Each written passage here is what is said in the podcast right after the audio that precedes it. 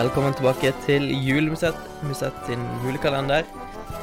Da har vi slitt oss gjennom eh, noen uker med forskjellige rytter her, og endelig kommet til eh, topp tre Simon Esler og Theis Magelsen. Det er endelig, ja. Det er riktig ord. Men med, sånne lister så er det jo når jeg, når jeg finner sånne lister andre steder, så ser jeg alltid på toppen først. Og så går jeg gjennom hele lista. Så da, nå er vi endelig her selv, så jeg, jeg gleder meg.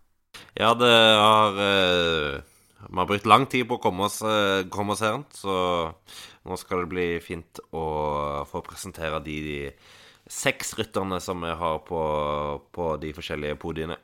Og det er jo 22 desember nå. Eh, Simon jo, er jo ferdig med julegavene, og du er kanskje Er du trygt på plass i Stavanger òg, da? Ja, absolutt. Jeg tas, da. Må si tas, da. jeg er godt på plass i nordlige Stavanger.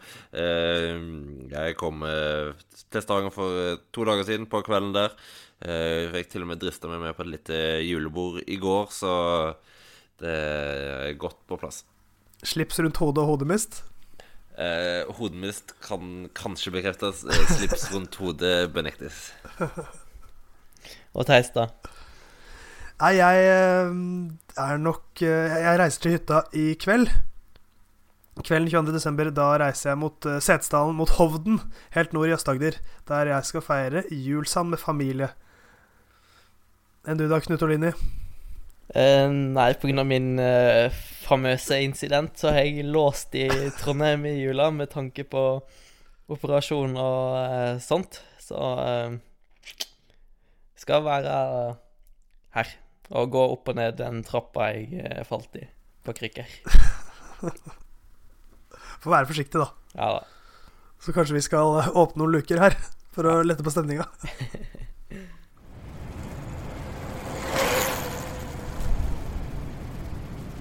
endelig inne på topp tre på våre lister. Vi starter med damenes tredjeplass. Og den uh, tredjeplassen den går til uh, kvinnen som var vårens virkelig store rytter, spesielt endagsrittene. Så jeg tenkte jeg skal bare lese opp den rekka med resultater som denne dama startet sesongen med. Hun ble nummer to i omlopp et newsblad. Hun vant. Omloppvann het Hageland. Hun ble nummer åtte i Les Amis. Nummer fire i Strade Bianche. Nummer tre i Acht van Westerveld. Hun vant eh, Ronde van Drente, nummer syv i Driedagsdipanne. Nummer fire i Gent Wevelgem, nummer to i Dvarstor Flanderen, før hele vårsesongen kulminerte i en fantastisk seier i Flandern rundt for Marta Bastianelli. Hun var topp åtte nesten alle rittene hun syklet første del av sesongen. Fra sesongstart til eh, godt ut i mai så var hun topp ti alle ritt hun kjørte. Men på vårparten, der var hun rett og slett helt, eh, helt rå. Seieren i Flandern rundt, der hun eh, henger med i kjøret til Annemiek van Fløyten og Cecilie Utrup Ludvig. Og så slår hun den begge lett som bare det i spurten i Odenarde. Hun har virkelig hatt en revival i år, Marta Bastianelli, og er nummer tre på vår liste. Ja, hun hadde jo en ganske god sesong i, i fjor, hvor hun da tok denne EM-tittelen som vi har vært inne på et par ganger. Uh, men den sesongen hun leverte i år, var jo et godt steg over det igjen. Eh, kom til, kom til danske Virtu og eh, stortrivdes eh, tydeligvis der.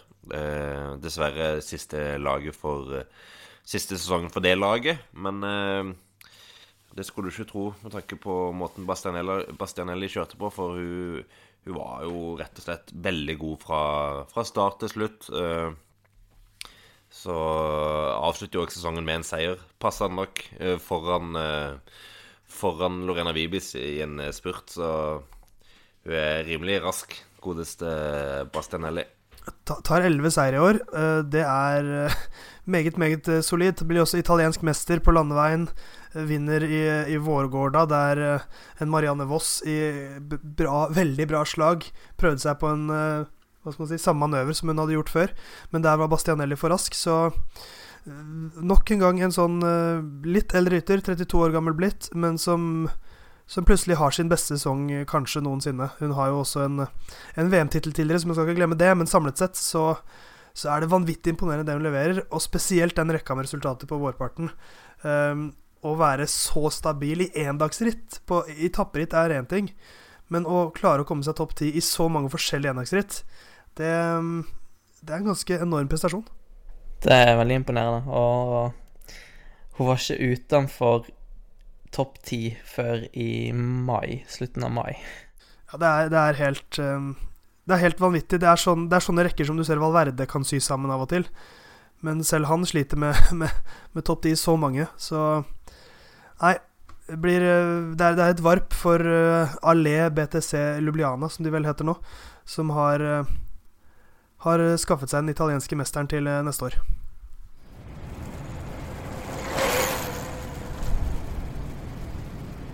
Tredjeplassen til damene går altså til Marta Bastianelli, mens vi for herrene har en eh, vesentlig yngre eh, rytter. Eh, og eh, når vi skal ta hans øyeblikk, så, så, vil jeg ta dere med tilbake til, til en spesiell dag i, i Tour de France-historien. Det her tror jeg er en dag som eh, mange vil huske i lang tid. Eh, Sjøl så hadde jeg akkurat eh, kommet opp til til Tinj eh, i et voldsomt pøsvær. Eh, det var regn og regn og regn og regn.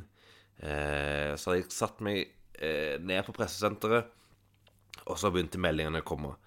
Det var snøras og jordras og snø og sludd og alt mulig. Det var mye som ble meldt, men det som i hvert fall var tilfellet, var at denne etappen ble ble stansa etter at uh, veien rett og slett sklei ut. Og på det tidspunktet så hadde Ega Manal angrepet uh, tidligere på etappen opp, uh, opp i Seran, og plutselig så var han i gult. for tida ble tatt på, på, toppen av bakken, og da var Egan Bernal i gult med to etapper igjen. Og jammen hadde han ikke god kontroll på den òg, på den siste avgjørende fjelletappen til Val Thorens, eh, og vant dermed Tour de France i en alder av 22 år. Det er jo rimelig frekt, det, da. Ja, helt greit, det. Eh, tidenes første colombianske, eller vi kan si søramerikanske, faktisk, vinner av, av, Tour de France. Det er eh, et stort år for søramerikansk sykkelsport, med, med seier i to av Grand Tourene. Og eh, så skjer det jo på en veldig spesiell og høydramatisk måte. Eh, men man skal ikke eh, la det ta noe bort fra prestasjonen som ligger bak. For han viser jo på de siste etappene der at, eh, at han klatrer fra alt og alle. Ja, med en gang Thibaut Pinot forsvant ut med, med skaden sin, så, så, var Bernal det beste. Det, det, var det ingen tvil om. Han best på etappen over Galbier eh, dagen før. Eh, best på den etappen til Tinn som ble stoppa, og jeg har jo full kontroll òg til Val Renz, så selv om mange nok skulle ønske at det ble mer kamp på slutten Den siste etappen ble jo veldig kontrollert, men uh, han hadde jo sammen med Ineos ganske god kontroll. Ja, da, det var vel egentlig ingen tvil om at han var, var den sterkeste. Han klatra best mot uh, slutten der, og på siste etappen så var det ingenting annet enn å Eller på den nest siste etappen til Val så var det ingenting annet å gjøre enn å, å kontrollere. Og eh, at Bernal kom til å vinne Torn, var vi vel egentlig ganske sikre på at det kom til å skje på ett tidspunkt. Men eh, når han starta tidlig da, og har eh, mest sannsynlig mange år igjen på, på det nivået, så spørs jo hvor mange det blir da til slutt.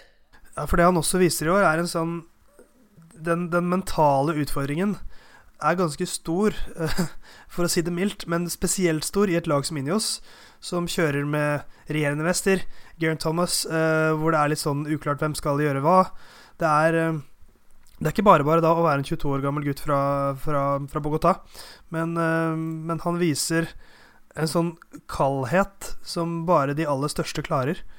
Og, og er i ferd allerede med å få en veldig, veldig solid palmares når det kommer til uh, serie etapperitt. Han vinner jo også Paris-Nice i år. Han vinner også Sveits rundt.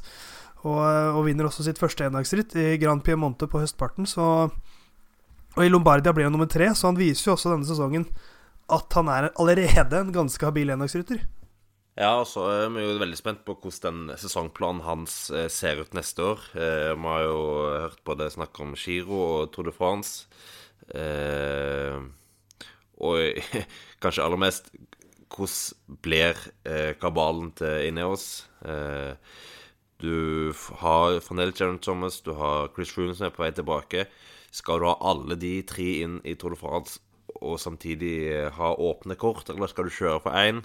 Det, det, blir spennende å se hvordan den sesongen utvikler seg. Men Egan Banal er jo utvilsomt framtiden i Team Inios.